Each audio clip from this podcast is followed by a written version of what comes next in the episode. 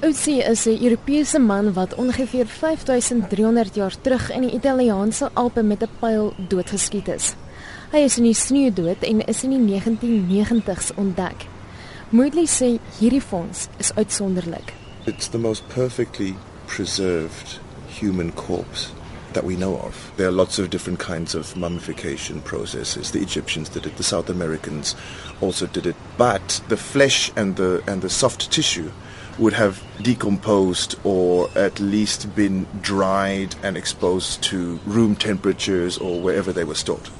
And that damages a DNA a lot. So now what happened in the Iceman's case is that, as you know, he was murdered.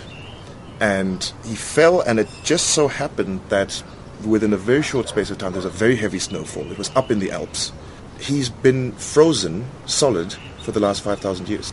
Sy werk was om die bakterieë binne in Otzi se maag te ontleed. Hy sê hy is nie seker of daar ooit weer 'n geleentheid soos die sal voorkom nie. He was chased for at least 48 hours because they looked at his lungs and they looked at the pollen in his lungs and based on where in the breeding tract it was and what pollen it was so you could tell different species you could tell that he was going up and down very quickly in the last 48 hours. He was running away from something. And when you run away from something in the Alps, you go up, you go down, you go up, you go down. And so different tree species live at different heights.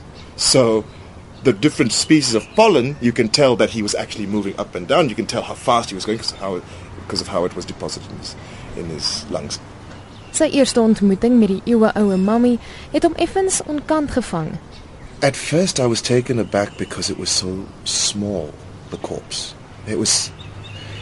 I'm told that in medieval Europe already, that was only 500 years ago, people were already small. If you look at, you know, the armor of knights, you think, how is, how am I going to ever fit into that armor? Because I think people in the modern day are much bigger in general size, brown in color, but completely dry. You know, almost freeze dried. in fact, it was freeze dried. It was frozen and dried which is the perfect way to store any kind of tissue actually. If you if you did it in the lab that's how you'd do it.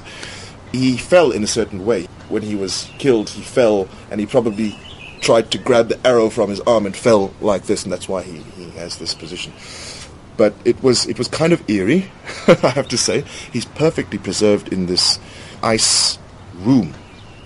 Hierdie kamer is in 'n museum in Bolzano in die noorde van Italië waar die man ontdek is he looked really quite quite freaky. I mean, I have to say that I didn't actually think that there would be any DNA in there that we could find. And so I was very happy when it was a success.